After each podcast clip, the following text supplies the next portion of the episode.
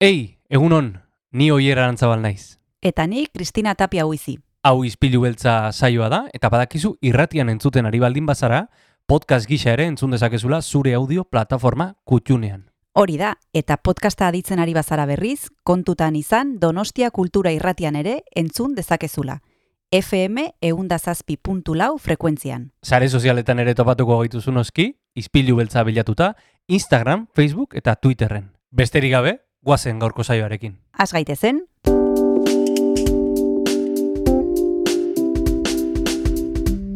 Ispilu beltza. Donostiako kulturaren berri, Oyer Arantzabal eta Kristina Tapia buizirekin. Egun honetzule astelena da, apirilak iruditu eta Donostia kulturan, zaude, Donostia kultura irratian, hau, ispilu beltza da. Eta asteari hasiera emango diogu, beti bezala Donostiako kulturai begira, eta mm, jendearen etxetan sartzen. Etxetan, kotxetan, mugikorretan, leku guztietan, ze Bai. misterioa den hori, eh? bai, e, teknologia. Bai, bueno, irratia ez da oso teknologi... Bueno, bai, teknologia da, eh? Bai, teknologia bai, baina esan nahi dut aspaldiko gauza badela. Bai, eta alarez ez aia den ulertzen nola Bai, egiten da hori. bai, eh? nik ez dut ulertzen. Nik ere ez. Gauza da hemen gaudela. Hori da. Eh? Astelena da, eta badekizu astelenetan Mikel Iturria gomidatzen dugula, asteko agenda errepasatzen laguntzen digulako, gainera musika ederrak hartzen du beti, eta gaur, e, ostiralen esan genuen bezala, dantza izango dugu izpide izpilu beltzan, eta gombidatu dugu iratxe ansa. Berak eta Igor Bakovitzek zuzentzen dute Metamorfosis Mhm. konpainia, eta aurkeztuko dituzte bilan prisma batetik eta kreakzion e, bestetik, eta gainera hasier Arrastiren musika. Bueno, bete-betea dator saioa, eta, e, bueno, horri guztieri errepaso emateko, asier errastik zabaldu dezala meloia. Guazen? Guazen.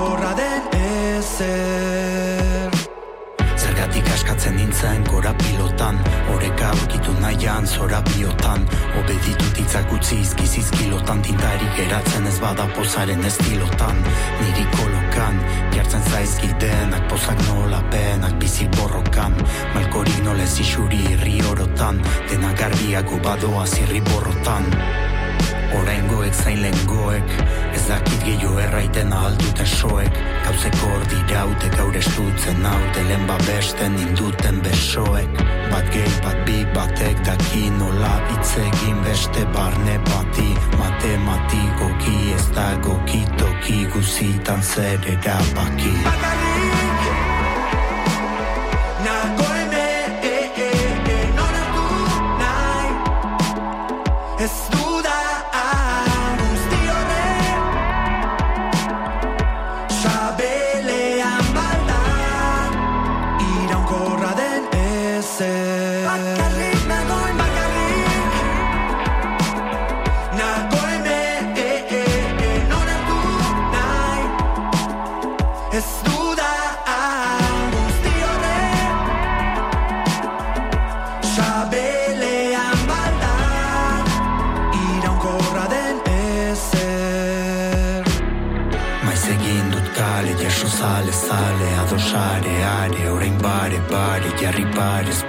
baina izan gabe, bikote deituko diren bi bakardade. Gutxi da sobera Zer dara matlotara gau ez oera Komprenditzeko oraino goiz ote da noiz Galtzen den norbait eta noiz norbera.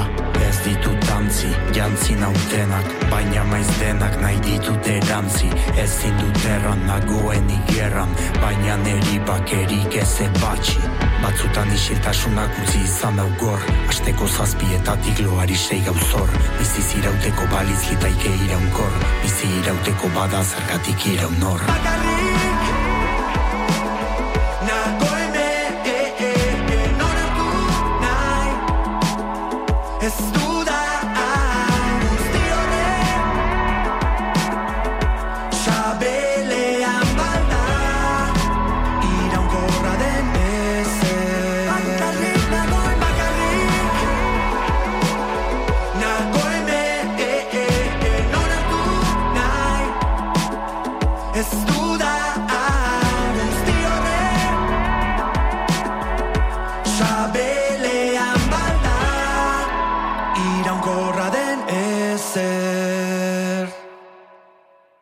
Egunon entzule, astelena da, aste santua baino lehen e, izango dugun azken astelena, ze segituan badekizue ostegunean aporrak, oporrak hartuko ditugula, apor txikiak, e, bost egun izango ditugu, eta horretarako badekizue astelenetan e, agenda arre- errepasatzen dugula, eta horretarako Mikel Iturria gonbidatzen dugu. Egunon, Mikel, zer moduz? Ondo. Zuk ere zu- opor zu ere txikiak bai. hartuko dituzu?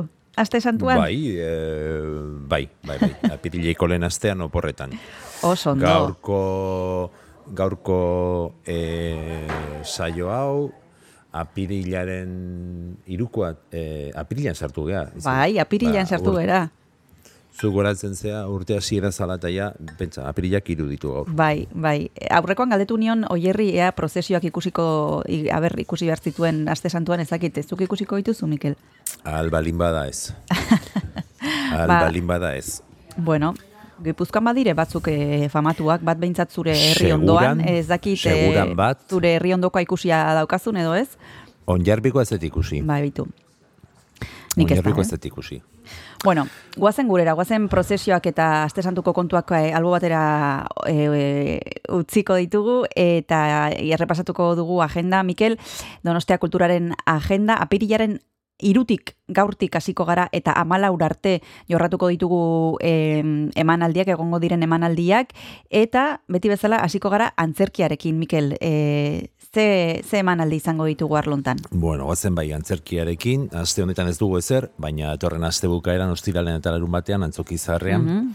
hilak amalau eta amabos, atxaldeko zazpiterdietan, gaztelaniezko antzerkia izango dugu, K Producciones taldeak el nadador de aguas abiertas ekarriko du, antzezlana martxoaren erdialdean, erdialdean egontzan de ferian, ba, oraingoan bi emanaldi e, izango ditugu, antzezleak eh, Marcos Marin, eta Adolfo eh, Fernandez dira, egilea Adam Martin, e, atzerritarra, nuke esango nungoa den, eta egokizapena Ma- Maria Goirizelaiak eh, eh, egin du, ez? Ba, kasu honetan Nilo aktore kaskarra da, eta ez dio lanik ematen, emazteak ere utzi egin du, e, pentsamentu o, fase autosun hitzaile batean murgilduta dabil, eta orduan ezagutzen du ba, igerilari bat, eta ba, bueno, ba, berrogeita zortzi urterekin igeri egiten ikasiko du, eta orduan hori bizipen bat izango da berarentzat, ikasketa prozesu hori, eta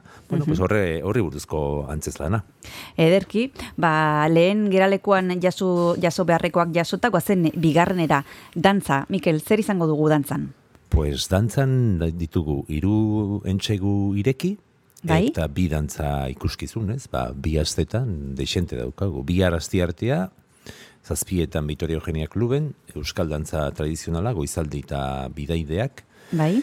e, goizaldi dantza taldeak iruru eta sorte beteko ditu horten, eta ospakizun horien barruan, maiatzaren batean egongo dira Vitoria Eugenia antzokian, ba, Euskal Dantza Tradizionala, goizaldi eta bidaideak izeneko ikuskizunarekin.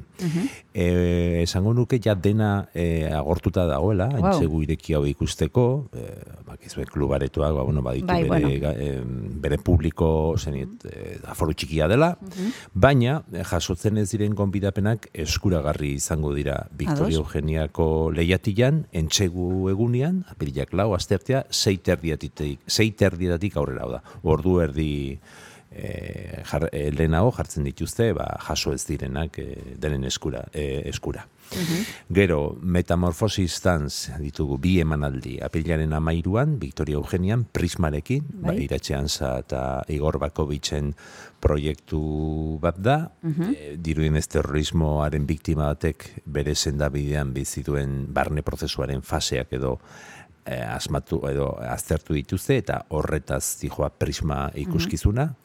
Bezperan, apilaren amabian zazpietan Victoria Eugenia Kluparetuan egongo da entxegu ireki bat, eta lehen esandako gauza bera. E, nik esango nuke ja e, e, webune bidez e, gonbidapena ja agortzear ez baldin badaude, agortuta egongo direla, baina bueno, azken unean badago e, antzokira joan eta e, ba, jasotzeko aukera. E, erretiratzen ez direnak. Ba. E, apilaren amabostean, e, kreakzion, e, dute, e, metamorfosisek, e, kasu honetan da pizza bat bos e, dantzarirentzat, bezperan ere beste ensegu ireki bat egongo da, eta gainera, egunean bertan, apilaren amabostean, ondoren, e, topaketa bat egongo da, e, iratxean zata Igor Bakovitzek e, klub aretoan egingo dute topaketa bat, eta e, Andoni Mutiloa kazetaria e, arituko da gidari eta bideratzaile lanetan. Eta hause dantzaren munduak e, zeukana. Hori da, ederki, Mikel, eta gainera aipatu behar dugu justu gaur, iratxean sa izango dugula gurekin,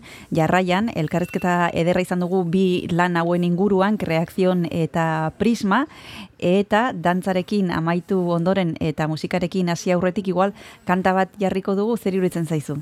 Ba, bai, entzun ez da onduela gu egun batzuk e, intxorron egon zen salsa orkesta bat. Bai. E, lagun batzuk kubatarrak e, egon zian bertan eta e, ba, esan zian, e, berarekin nik ikusi, baina berak esan zian oso oso kontzertu mm, polita, banda kalitati handekoa dela, eta, bueno, ba, goazen goxuan salsa, bakizu da, Nafarrez eta Kolombiarrez osatutako orkestra bat, eta bere herriari, iruñari eta bere auzoari txantrea dedikatu dieten eh, kantua da Del Puente para allá. Primeran, ederki, guazen entzutera.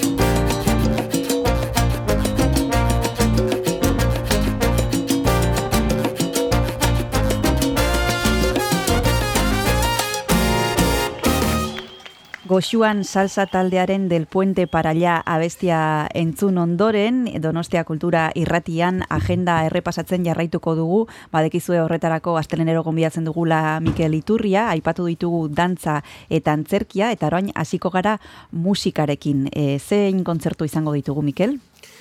Ba, bi kontzertu aipatzeko modukoak, biak Pasko astean eta Bai. Victoria Eugenian. Lehena izango da perilaren amaikan, atxaldeko zazpite erdietan, Japoniati dator Yoshida Brothers, bertako Tsugaru Shamisen, ez dakit nola esaten den, e, eta musika tresna tradizional bat. Mm. Eta bueno, hauek e, bianai hauek e, hori eulertzeko e, duten modua oso berritzailea eta dinamikoa dela eta dionez sonantikoak e, nazioartean. Mhm. Behaiekin batera egongo da Yuki Tsushida, e, perkusio jotzailea, eta, bueno, pues Euskadi Japonia urtea da, 20hogeita irua, eta Madrilen kokatuta dagoen Fundazion Japonek edo koordinatu du eh, zera, kontzertu hau.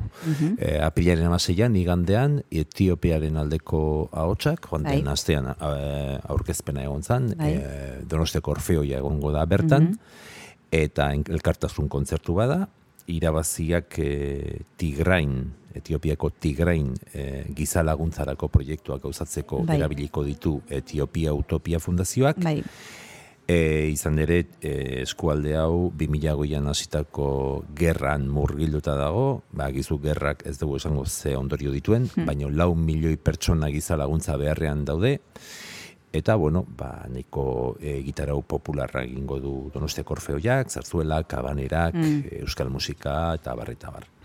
Eta hoxe bi, bi kontzertu hauek eh, osatze dute, musikaren agenda. Aipatu behar dugu urrengo tartea hasi baino lehen bihar e, asteartean gurenkin egongo dela Etiopia Utopia Fundazioko lendakaria Imanola Palategi gomendatzen dizuet elkarrizketa hori entzutea. Oso e, gauzak gogorrak baina beharrezkoak e, esaten ditu. E, eta esan bezala Etiopian jarriko dugu bihar pixka bat behintzat e, fokua. Hauexek e, musika arloko emanaldiak eta orain literaturaren agenda errepasatuko dugu. Goazen ikustera zer, da, zer dagoen datozen egunetan. Bueno, pues ekitaldi bakarra dugu, gaur astelena, ilakiru, ikasbide kultura elkartean, amara berrin dagoen elkarte honetan, atxaldeko zazpietan, Edna O'Brienen landa aldeko neskak, literatur solasaldi euskaraz da, edu zabalak eh, gidatzen du, eta hauxe da daukaguna, hilabete hau, agizue, apila, e, gero liburaren eguna dator, Bai, eta bai. literatur mordoa izango dugu, ze Bai. hortari, be- horretara begira bat eta hainbat argitalpen kaleratuko dira, baina justo ba, azte santuan solasaldiak eta ez dira ez dago gauzandirik. Ederki, ba, errepasatu ditzagun igual e, erakusketak, orain, e, Mikel, guatzen aipatzera batzuk, e, venga, Bai, ze, bueno, pues, eh, adibidez, San Telmo, eh, aste santuan San Telmo zabalikengo da, Mm. mm. zabalik egongo da, eta igual, pues, bada aukera polita hor Bai. erakusketak, eta beste batzuk gogoratzeko. bai, E, Gipuzkoako foru aldundia e, eta Donostia kulturaren artean, baketik fundazioaren laguntzarekin, aieten e, asteazkenean, apirak e, bost, urrengoa zu, e, bukatuko da, erakusketa hau, jazanperpen indarkeria eta mehatxularria Gipuzkoan, iruita mabos, 2008 e, sasoi horretan, garai horretan.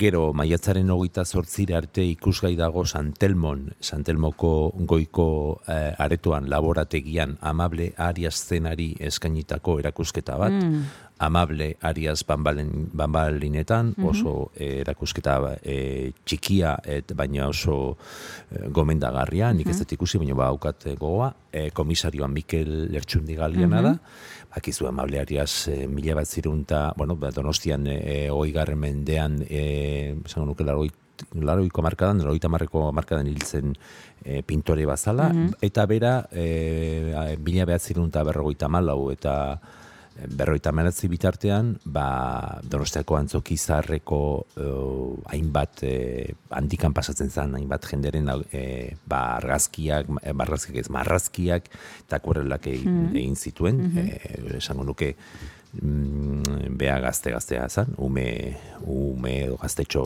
zelarik, ba, familiako norbaitek eh, lan egiten zuen bertan, eta bai, ara, eh, ara joaten zen. bere ama edo norbait zeukan, ez, e, antzokizarrean lanean, ez Bai, dut gogoratzen ondo, ama, bai. ama zala, bai. Bueno, gogoratu gaur izan ezik, gaur astelena itxita dago, baina apilaren amazira arte egunero dagoela zabalik museoa, eta berreskuratu du e, oiko ordutegia, en zazpietan bukatzen zen, eta bain, amarretatik zortzietara dago e, zabalik. Santelmoko erakusta potoloena, e, laro itamar berriak da, hau ekainaren hasiera arte dago ikusgai, eta nekane aranbururen erakusketa bada, largoiko amarkadaren amaieran e, sortutako hainbat espazio alternatiboren errepasoa egiten duena. Mm Horietako batzuk, ba, oindikan ere indarrean daude, bai maila mm, lokalean edo nazioartean. Arteleku, zapatari, e, la fiambrera, el gallinero, eta bar, eta bar. Gero, pasadena astean aipatu genuen musean zabalduko zela apirilaren hogeita irurarte egongo da ikusgai, klaustroan dantzaz ele, Bai. jantziak, da Marizuli konpainiarekin batera presautako erakusketa bat, e, dantza elkartearen laguntza duena, eta Eusk, Ipar Euskal Herriko lau dantza bereizgarriri buruz e, gehiago jakiteko e, beste aukera on bat. Besta berri, Lapordiko ilauteriak, kabalkadak eta zuberoako maskaradak. E, bloke honekin amaitu horretik, esan dezagun apilaren batetik, e, o apilaren batean zabaldu dela urguluen, e, urgulen eta hilaren amaseir arte egunero egongo dela zabalik e, amaiketatik zazpietara, e, urruleko historiaren etxean, donostiari begira, erakusketa, hiriari buruz, ba, e, hainbat, e, bai ekonomikoa, soziala eta urbanistikoa, besteak beste, ezagutzeko e, erakusketa bat. E, bueno, eguraldiak laguntzen ez badu, ba, ba, bakizue, museo bat urgul, aukera unak izan daitezke. Hori da. Hori da. Igual kantua jarriko dugu, Mikel, urrengo tartea hasi baino lehen, zer uretzen zaizu? Bai, ba, lehen irunetik genbiltzan eta Bai.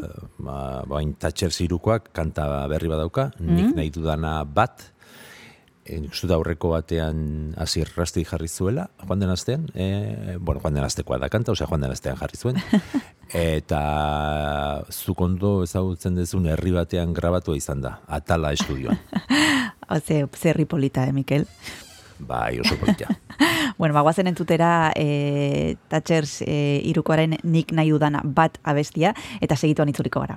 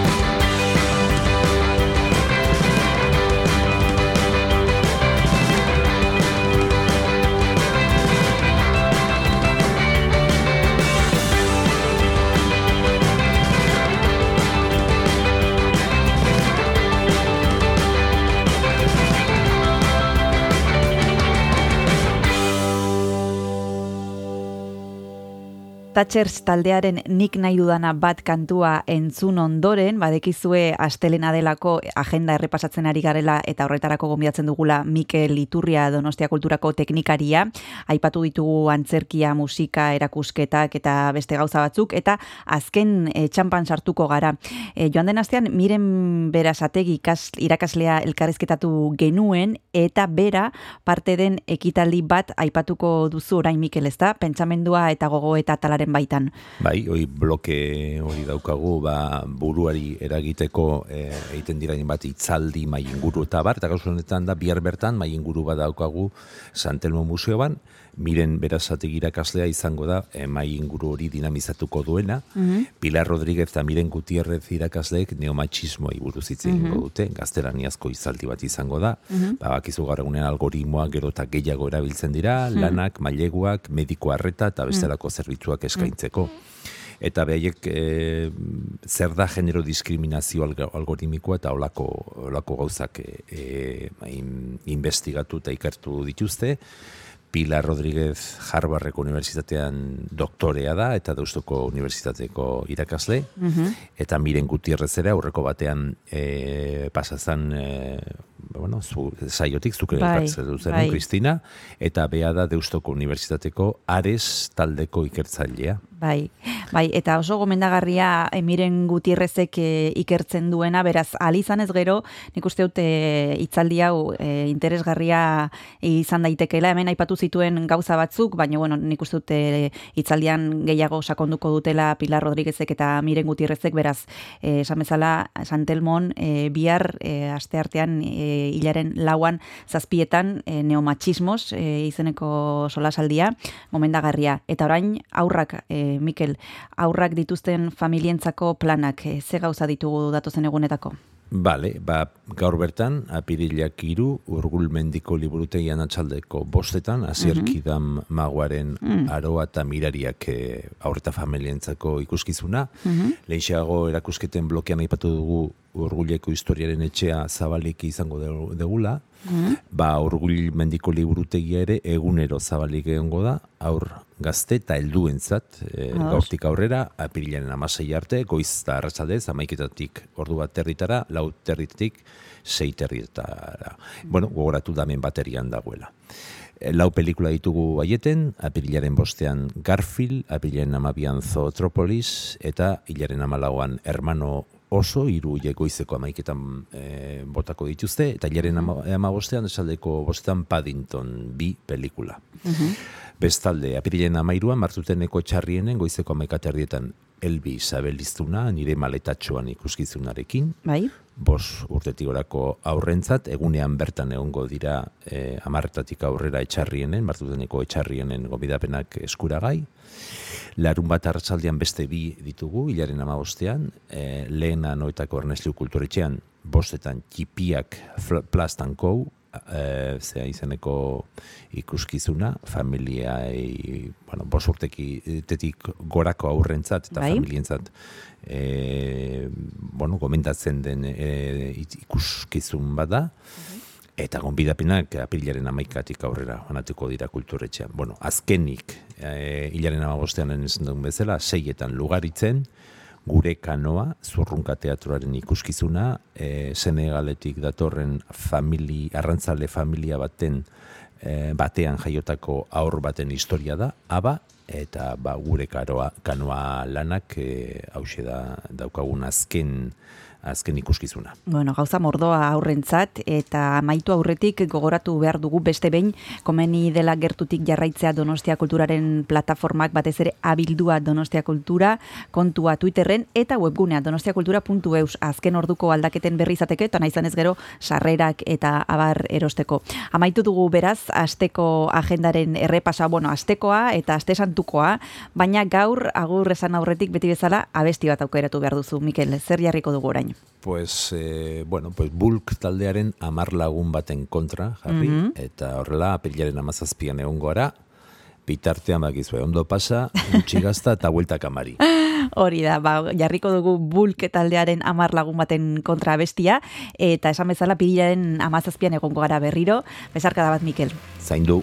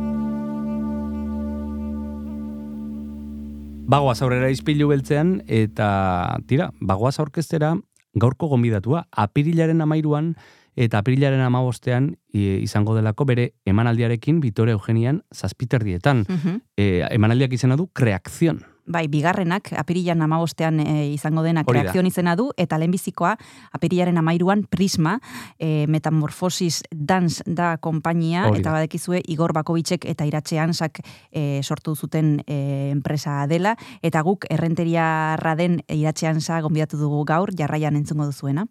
Dantzaren inguruan hitz egiteko, badator, iratxe ansa. Naiz da askotan ez dagon erantzunik Banoa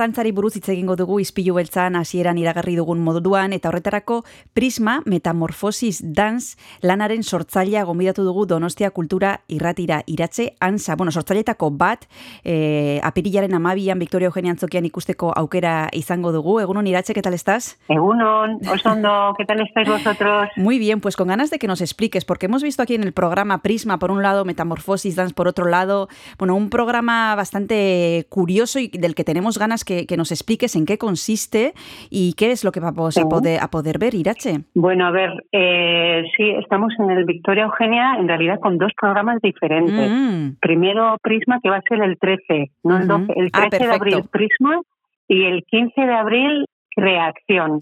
Son dos programas diferentes, la verdad es que es bastante ambicioso, porque al final, eh, para preparar un programa tardamos, o sea, un programa significa retomar la pieza, Mm. ensayar con los bailarines, y además va a ser el inicio de la gira de metamorfosis de nuestra compañía. Eh, porque ahora estamos, pues ahora mismo de hecho me pillas en Oxford, vamos a tener un estreno el 11 de marzo, o sea, este sábado. Hemos estado ya con varios estrenos en Basel Ballet en enero, hem- hemos estado fuera, de, digamos, de casa y el primer espectáculo que hacemos, o sea, volvemos eh, nada, finales, principios de abril, porque también estrenamos allí en Lisboa, en el Camoes, y llegamos y lo primero que presentamos con la compañía Metamorfosis va a ser Prisma, en el Ujú. Victoria Eugenia el día Ujú. 13 Ujú. y el 15 Creación. Son dos piezas diferentes. Una creación la creamos antes, fue mm, una creación hecha eh, con una coproducción con el Museo Universidad de Navarra. Creación se ha llevado también dos premios Max, a mejor coreografía eh, y a mejor iluminación. Y Prisma la creamos el año pasado. O sea, son dos piezas de dos años diferentes de, de nuestra compañía. Eh, los creadores somos exactamente Igor Bakovic y yo, somos dos. Y, y bueno, pues vamos a Donosti con mucha ilusión con esos dos programas. Primeramente bailamos Prisma el día 13, eh, el día 12 tenemos montaje, día 13 bailamos, día 14 desmontaje y montaje de lo otro, día 15 eh, creación y bueno, día, día 16 acabamos. La verdad es que es un lujo poder ir y mostrar dos piezas. Es también, bueno, complicado porque son dos piezas muy rigurosas, como todos quizás nuestros trabajos. Significa que, que pre- preparar una es bastante, preparar dos más, pero mm, en realidad es un lujo porque podemos mostrar dos facetas diferentes nuestras, ¿no? Así que, porque también son dos piezas creadas desde un contexto muy diferente. Creación desde un lado y Prisma Uno es una comisión desde el Memorial Víctimas de Terrorismo de Vitoria. Es una comisión que me lo comisionó José Guirao en el 2020 y que lo hemos hecho con mucho mimo, con mucho respeto y con mucha investigación. Entonces, bueno, eh, ahí te lo he resumido un poco y podía contar más, pero bueno, son dos piezas muy diversas, la verdad. Y eso me alegra porque, bueno, tienen nuestra identidad, pero son muy diferentes y eso también hace que podamos aceptar el llevar dos piezas una detrás de la otra, porque si no, la verdad, mm, no, no me gustaría enseñar dos piezas que se parecen mucho y una después de la otra. Claro, porque no, no. Y eh, sin embargo, de esta manera, pues esta invitación, la verdad que tiene sentido. Eh, así sí que me parece que tiene sentido llevar dos piezas que son muy diferentes, porque bueno, el nacimiento, la razón por la cual se hacen, es- vienen desde lugares muy diferentes. Mm. Irache, nosotros como público vamos a ver dos piezas con el intervalo de, en el intervalo de tres días, pero cada una, como Sí. decías tú ahora mismo, viene de un momento diferente, viene de una situación diferente, cuentan cosas Sí. diferentes. Para el espectador es Sí. un lujo, para vosotros me parece que, no sé, me, me- me estoy poniendo en vuestro lugar y no, no llego a, hacerlo del todo porque me parece una locura, ¿no? Que en tres días hagáis dos cosas diferentes que además son tan, tan, tan, bueno, tan con- cada una con, con su, su historia. Eh, cuéntanos un poquito de cada una de ellas. En el de Prisma ya me has contado un poquito cuál es el, el nacimiento, cuál es el germen de, de esta Sí. historia. Eh, creación también, ¿en qué momento surge? ¿Con qué objetivos? Sí, vale, vale. A ver, efectivamente, sí, es bastante ambicioso, pero reconozco que yo creo que yo soy quizás muy responsable y reconozco que, que para decir que sí también eh, me avalo, tenemos un grupo de bailarines magníficos, la verdad. Hemos creado un equipo en el cual yo me siento segura como para hacer algo así, la verdad.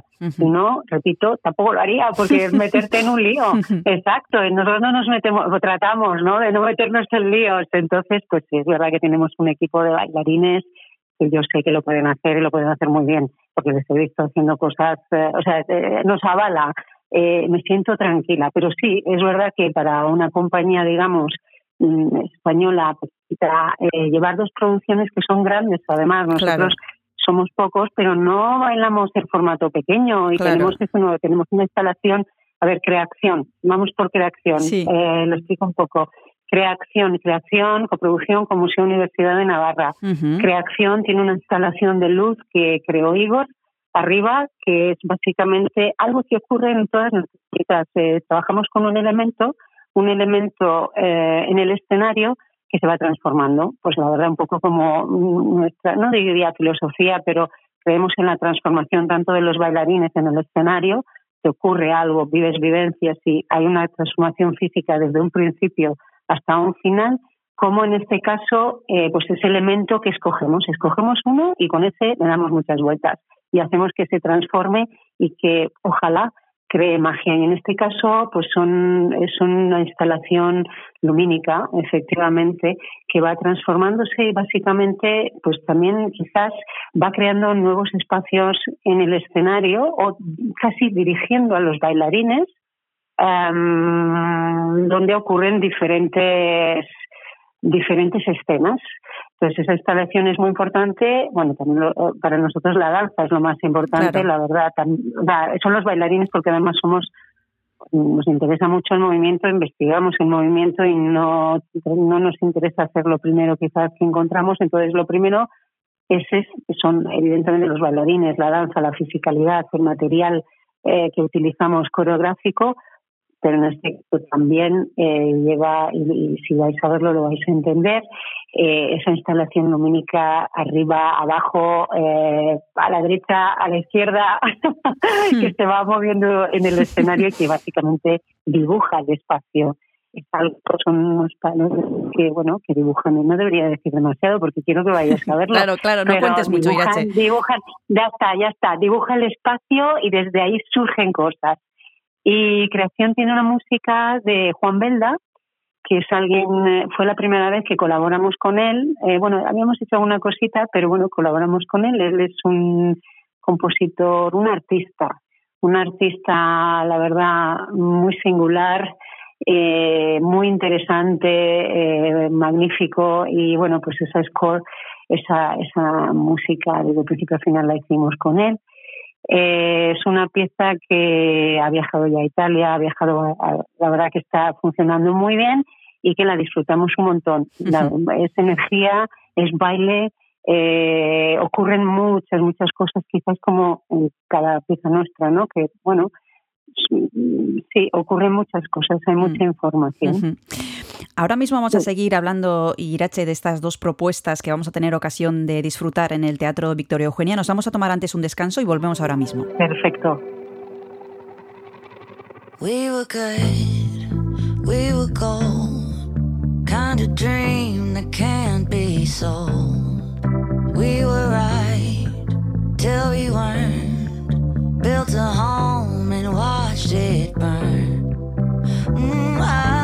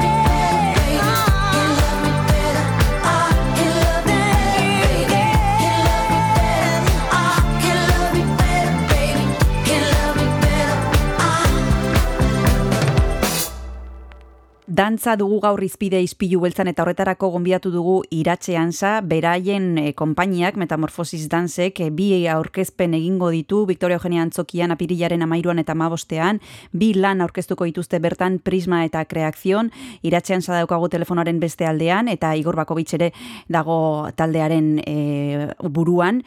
Ari ginen hitz egiten bi lan hauen inguruan iratxe, en los dos trabajos, eh, por lo que he podido leer y por lo que te estoy escuchando ahora, la iluminación, la música tienen mucha importancia. ¿Hay denominadores comunes No. en todos vuestros trabajos? Sí, a ver, yo creo que para nosotros todo lo que está, lo que entra, lo que está en el escenario tiene importancia, Mm. tiene que estar justificado. Si no, no tiene que estar, no tiene que existir casi. Nos tomamos las cosas de esta manera. Bueno, para mí eso es lo normal desde pequeña, desde que me fui de Rentería con 14 años Mm. a Alemania. Eh, y ahora pues se reconvierte en el, digamos, en la manera de ver eh, la coreografía y coreográficamente cuáles son los choices, las, las cosas que escogemos para que estén los elementos que tienen que estar dentro de la coreografía, eh, que sean elementos que nos sirven para llegar a donde queremos llegar. Entonces esos elementos sí que tienen que estar, sí que son, claro, son importantísimos y la iluminación y una instalación o una escenografía eh, pues es uno de los elementos pues, pues, pues, pues, claro importantísimos porque están en el escenario la música igual todo todo todo tiene grandísima importancia es como si haces una comida una ensalada el tomate tiene que estar bueno la lechuga Mm. también lo, Mm. lo estoy diciendo de una manera muy simple pero Sí, básicamente para mí es eso todo lo que está en el escenario tiene que ser impecable Sí. Y, si no no tiene que estar entonces pues sí todo tiene mucha importancia Sí. efectivamente sí Bueno, y para empezar, los bailarines, que ya los has citado tú, formáis eh, un equipo que, como decías, eh, no, bueno, tenéis una puesta en escena que es bastante, bueno, compli- complicada y compleja, pero no en el sentido de negativo, sino que es eh, bastante ambiciosa. Eh, Mm. Cuando uno se dedica a esto, Irache, ¿qué importancia tiene que Sí. haya química en todo el equipo y que no simplemente os dediquéis a ejecutar unas órdenes y ya está? Eh, ¿no? Que se vea que hay algo más, eh, más allá de, de- de que se cumplen eh, las, las, las, las directrices y ya está. Claro. A ver, es que quizás alguien que solamente ejecutaría y que no tendría más, más ilusión o más ambición, pues quizás no podría tampoco trabajar con nosotros porque nosotros tenemos mucha, mucha, mucha, mucha. Entonces, ahora también ya sabes que vamos, somos coreógrafos invitados en diferentes compañías europeas. La verdad es un, es magnífico que ya empecemos, bueno, ya empecemos, no, ya llevamos este año fuerte, fuerte, fuerte. Y bueno, te metes en otros equipos, en teatros grandes, donde quizás un bailarín se puede dejar un poco después de unos años, se convierte más en un trabajador que un artista, ¿no? Puede suceder. Pero es verdad que, los, de hecho, es una buena pregunta ahora porque estoy, bueno, yo antes he pertenecido a esas compañías, ahora estoy en el otro lado, me he reconvertido, es, un- es otra carrera, es eh, la verdad es increíble. Y, y estoy muy contenta de ello, pero sí es verdad que puedo ver más que con nuestro equipo. Nuestro equipo es un equipo más pequeño y que vienen a darlo todo. Entonces ahí quizás quizás no, o sea, no hay ninguno que es ejecutador, es que son son son apasionados y son investigadores, es que ellos quieren venir con nosotros a darlo todo y saben que con nosotros ten- tienen la posibilidad de hacerlo porque les llevamos lejos. Eh, y en compañías también, pero es verdad que cuando llegas puede ser que haya alguno que está más apagado porque a veces sucede que no baila. hay muchos factores que pueden hacer que un bailarín se olvide del por qué ha empezado a bailar, sobre todo en compañías. Eh, ahí que entra, pues ahí entra tu habilidad y ojalá eh, la contaminación de pasión, de, de ilusión, de alegría, de, de encontrar de nuevo tu instinto y la razón por la cual tú te has metido en este en esta vida, ¿no? En esta vida de bailarín que es maravillosa, pero que a veces un bailarín le pasan muchas cosas y puede quizás olvidar y puede llegar a lo que estás comentando ahora. Entonces, ¿qué, que pues entra la habilidad de la persona que está en el otro lado de, de llevarlo y la verdad sinceramente normalmente lo conseguimos eh, porque si no si no un ejecutador solo en un escenario yo creo que se nota vamos Hmm. no os lo podéis, eso lo podéis decir vosotros más pero Hmm. yo yo bueno, obviamente yo lo veo porque mis ojos entienden también quizás son, están trained para ver más allá y entonces lo veo entonces eh, la, la- se intenta que no que no vaya por ahí y la verdad hasta ahora lo hemos conseguido con éxito, pero sí, sí que puede ocurrir, efectivamente, sí, sí, sí que puede ocurrir, sí.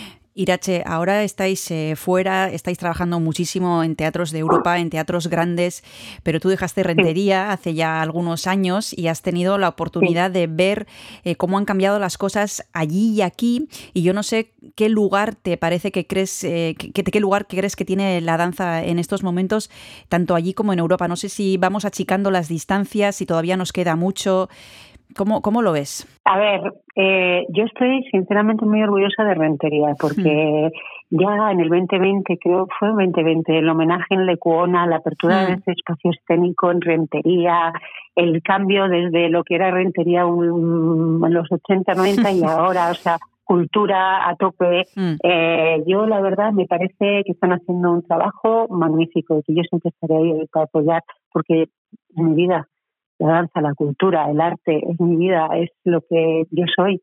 Entonces, yo siempre estaré ahí y estoy orgullosísima. Luego, en cuanto a lo que estás comentando, compañías aquí, compañías allá, no es que no haya talento, es que aquí en Alemania y en todos los sitios, como ya hemos repetido muchas veces, hay una compañía de danza, hay, hay trabajo para bailarines como si hubiera en Bilbao, San Sebastián, Logroño. En cada ciudad hay una compañía. En España no, hay una. la nacional y la de flamenco. Eh, entonces, los bailarines que creamos o que crean en los conservatorios no tienen ni dónde pedir trabajo. Las otras compañías son compañías freelance, como la nuestra. Por eso cuando hablo de pequeña quiero decir eso. No por calidad, porque luego estamos compitiendo con otras compañías en festivales internacionales, pero sí porque, bueno, no tienes bailarines 12 meses. Eh, o sea, no, no es la misma aquí eh, en, en Europa, sobre todo, bueno, en Alemania y en Francia también, ¿eh? hicieron un muy buen trabajo. Bueno, hay más con los Sound Choreography eh, que tienen en muchísimos sitios. Significa, imagínate que hay panaderías, si hablamos de la panadería es tu trabajo, hay panaderías por todos los lados. Claro. Entonces los niños que salen los bailarines de los conservatorios, mira qué de panaderías tenemos para ir a pedir trabajo. Pues de danza, danza, danza, danza, donde un bailarín se puede desarrollar, no hay panaderías, solo una. Y luego los demás son freelance, es otro tipo de panadería que normalmente pues igual lo haces más mayor cuando eres más chavalito, sobre todo que quieres bailar en compañías ballet, pues claro, con 18 años tienes que empezar a, a- tienes que tener contrato. Entonces todos estos chavales de los conservatorios pues tienen que lanzarse a todos otros países donde sí que pueden encontrar panaderías y eso hace pues que nosotros no lleguemos quizás no quizás no no lleguemos arrancar pero no por el talento sino por porque políticamente no hay algo que realmente sostenga eh, una, no, no, sin eso, si no hay sitios donde pueda trabajar un bailarín, el bailarín se va a tener que ir si realmente esa es su ilusión. O sea que Entonces, hoy en día, ya Irache, podríamos Sí. decir que hoy en día un bailarín aquí todavía está abocado a tener que irse fuera, o sea que no es una elección, sino que es más bien, bueno, que estás empujado a, a hacerlo. Bueno, si quiere trabajar, sí, porque no tiene Hmm. dónde pedir trabajo. No hay. Solo está la compañía nacional y tampoco pueden coger cada año a 800 porque están los otros, no pueden dejar su trabajo. Eh, entonces, si tú quieres bailar y no en una compañía freelance, porque también pasa una compañía freelance, yo creo que ya has tenido, o lo ideal es que hayas tenido una carrera, lo haces de más mayor, pero para trabajar 12 meses al año, con muchas producciones al año, con un, ritmo donde a ti te dé para, para avanzar, para aprender, para trabajar con muchos colaboradores, pues eh, no sé si me entiendes, es que no hay ningún sitio donde puedan trabajar, solo hay uno para un bailarín. Entonces, como no hay, mm, mm, pues si quieren realmente bailar tendrán que ir a un sitio, a un país donde sí que haya. Entonces, eso es lo que hacen los chavales que quieren bailar, los niños de, de conservatorio, sí, sí. sí. El público también es Sí. diferente. Supongo, Irache, que eso también marca un poco la diferencia. El hecho de que en otros lugares haya más compañías, haya más propuestas, haya más oferta, Claro. eso hace que Claro. haya un público en número mayor y eh, también en cuanto a Claro. conocimiento de lo que se está viendo, que igual aquí también ahí flaqueamos eh, en eso, ¿no? Claro, a ver, cuando hay una casa o un teatro lleno, no con gente que va a bailar allí, sino que tiene un producto dentro, es como un equipo de fútbol. Tenemos muchos equipos de fútbol, sí, pero hay compañías de danza, no. Hmm. El equipo de fútbol sí, que en cada barrio, en cada Sí. pueblo, los equipos de, de fútbol alimentan a una sociedad de ahí, de ese, de ese espacio, de ese terreno, eh, donde eh, crea fans, crea gente que le gusta, crea crea un vínculo, la gente sabe lo que es el fútbol. Eh, no es una compañía grande que puede alimentar y que puede crear vínculo con todo, porque Claro. es algo también muy terrenal, desde muy poquito a poco, pues, pues eh, mm, es eso, es crear un vínculo con la sociedad, que la sociedad sepa qué es, quiénes somos nosotros, qué hacemos, qué hace, cómo, cómo, qué es la vida de un bailarín, pero para eso eh, tienes que tener muchos, no, uno solo no puede, por muy fuerte que sea, necesita tener muchos muchas eh, muchos mm, equipos de fútbol o equipos de danza para que ese terreno del espacio conozca. Y sí que hay bueno como freelance pero no como compañías estables donde tú puedes decir en tres años va a venir este aquel y tú vas a trabajar con este prepárate para tres años primero haces esta pieza luego la otra. Son como escaleras que suben bailarín para para seguir alimentándose y poder bailar ciertas cosas en cierta manera. Para eso necesitas un, un sitio estable y eso eh, pues no no hay solo hay uno. Por eso eh, no es tan sencillo. Y efectivamente el público claro cuando tiene su equipo de fútbol en su casa pues va más a menudo. Claro. lo conoce más se crea ah, conoce al bailarín conoce a este conoce a aquel y se crea pues un cariño quizás y un conocimiento. Eh, sí pero no es eh, repito no no yo para mí no, hay- no es culpa del público eh, es, es que no haya realmente un apoyo eh, de verdad, de verdad sincero, para crear eso, equipos de fútbol, pero de danza en cada sitio y así la danza también sea disfrutada por todo el mundo. Eh, hace falta más equipos de fútbol o de danza para Sí. que para que sea cercano y para que el público conozca de verdad y para que ir al teatro sea natural y que tengan un vínculo con, con, con los bailarines en Mm. este caso o Mm. con, con todo el equipo, ¿no? Sí, sí. Entonces, mm, repito, no, no para mí no es culpa del público. mm, No, yo no pienso culpa de alguien en este caso, sino que si no tienes un terreno fértil para, para crear ciertas cosas, mm, pues es muy difícil hacerlo. Ah, entonces, para mí, mm, absolutamente, ahí es la diferencia grande que estás diciendo. No tiene nada que ver con el talento, porque todo el mundo de, España está fuera y está, está con direcciones principales, bailarines, es que no tiene nada que ver con eso. Si no, yo lo diría, sí, mira, aquí no, aquí no va. Pero no es verdad. Es, de hecho, todos salimos fuera y hacemos cosas eh, pues bastante importantes, la verdad. Eh, tiene que ver con el terreno fértil que se crea para que realmente cuaje. Y con danza o cultura, en este caso yo hablo de danza, pues no se ha hecho. Equipos de fútbol sí. Bueno, pues nosotros tenemos ocasión de ver dos partidazos de la Premier League de la danza, que son Prisma y Creación. Será el próximo 13 de abril y dos días después, el 15, en el Teatro Victoria Eugenia, a las siete y media de la tarde, de la mano de Irache Ansa y de Igor Bakovic. Eh, dos propuestas de lo más interesantes, muy distintas, con las que vamos a poder disfrutar de la danza que, que han creado esta pareja de coreógrafos y dramaturgos, que Irache vuelve un poquito a casa y tendremos ocasión de, de ver sus, sus últimos trabajos. Y le decimos que muchas gracias por haberte acercado a Ispillu Elsa, a Donostia Cultura y Ratía. Un abrazo muy grande y que tengas muchísima suerte en todos tus proyectos. Es que ricasco. Otro para vosotros, muchas gracias. Estamos encantados y con muchísimas ganas de ir a darlo todo. Muy Es que bien. ricasco. Es que ricasco, Agur. Agur, agur.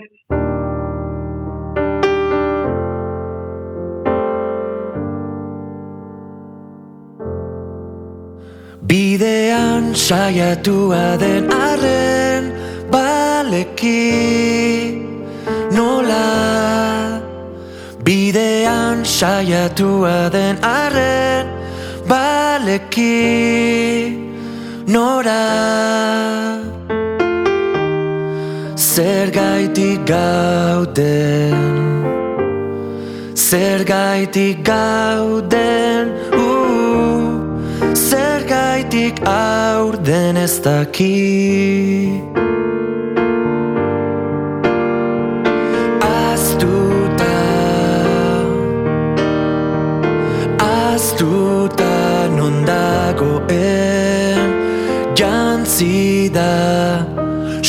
Kazalarekin erantzi duten arreen ez duta antzematen non dagoen argi hura ez da ulertzeko ala irauteko gai.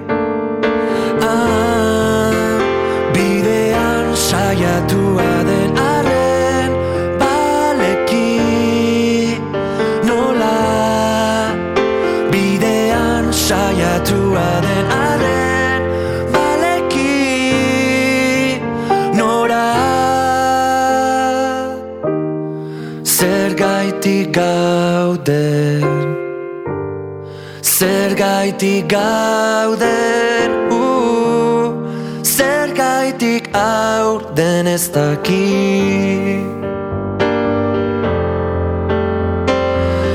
Ustuta erren Eternal Egan badoa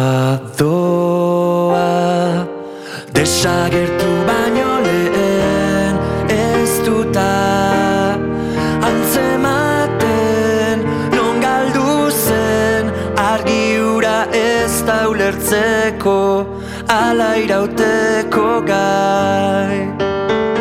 Ah, Bidean saiatua den arren Baleki nola. Bidean saiatua denaren baleki nora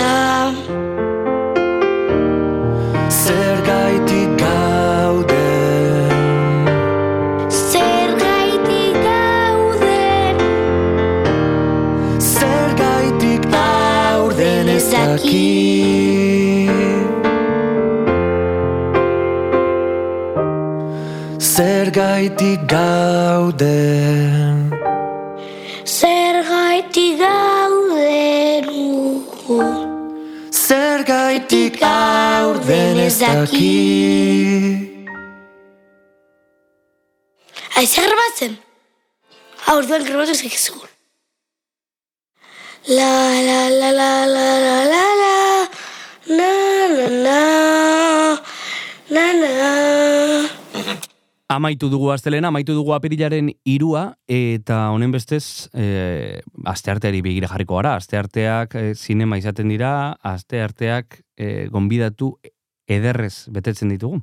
Badekizue justu e, ja bi saio gelditzen direla aste santua baino lehen, e, biharkoa eta etzikoa eta bihar izango dugu hemen e, zinema izpide, Kresala Zinekulueko lagunak etorriko direlako eta gainera izango dugu gurekin Imanola Palategi, Etiopia Utopia Fundazioko presidentea da bera eta badekizue e, urtean behin antolatzen dutela kontzertu bat, kasu hontan apileran 16an ikusteko eta disfrutatzeko aukera izango duguna Victoria Eugenia Antzokian Voces por Etiopia, Donostiako Orfeoia besteak beste, hori guztia bihar Imanolek kontatuko digu.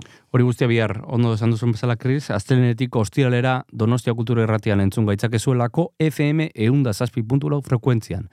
E, goizoko sortziretan sintonizatu dezakezue etxeko zukaldeko irratitik. Edo nahi balin baduzue mugikorretik ere bai, audio plataformetan edo irratia.donostiakultura.eusen. Ez dago aitzakiarik Donostiako kultura jarraitu nahi balin baduzu, ispilu beltza, zure irratsaioa da.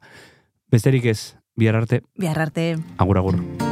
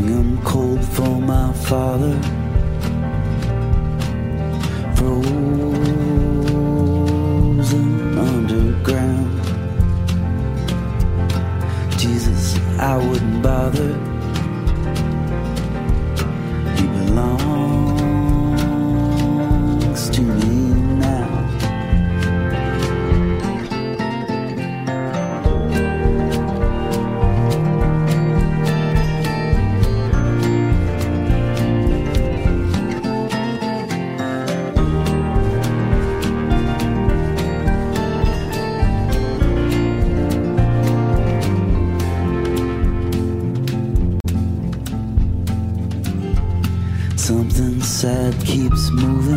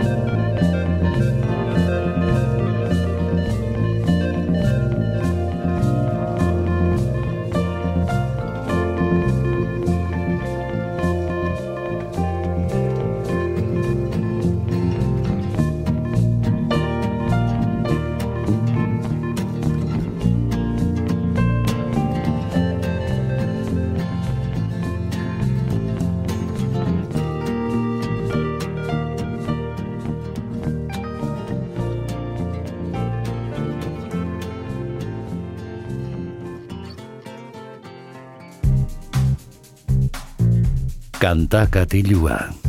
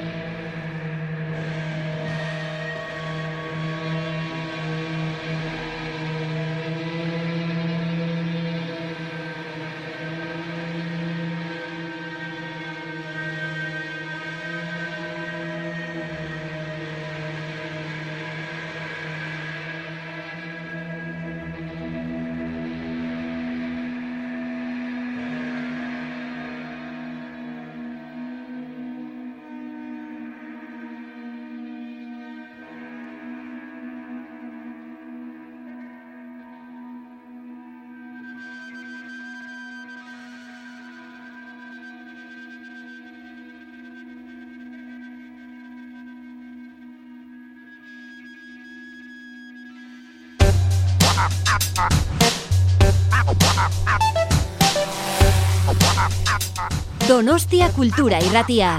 Zabaldu gurekin Donostialdeko kulturaren leioa.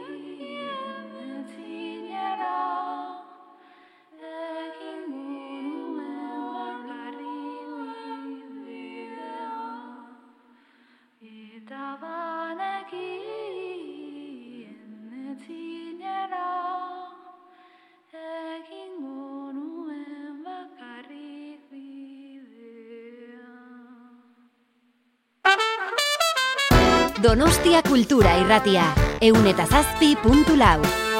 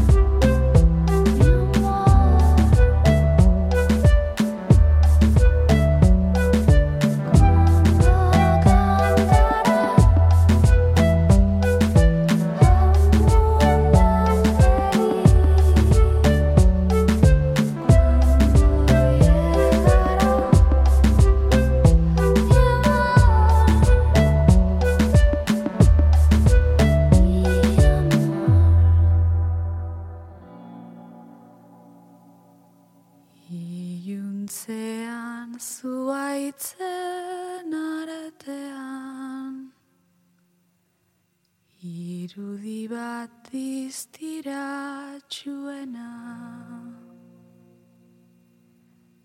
Isili isilik buelta eman eta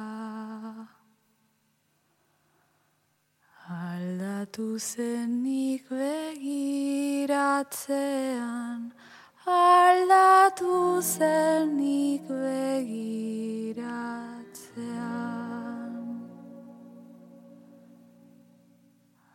Hasieran zirudien ederra. Belarretan ikusten nuenak. Urbiltzen hasi ordu kordea. Argitu nuen nire okerra Argitu nuen nire okerra. Ai, ai, izar maitea. Ez zara inoiz izango nerea. Igarri zaitut lur Baina konturatu nahi zenean Ze sorpresa hartu dut hartzean Isla da zinela urmaelean Isla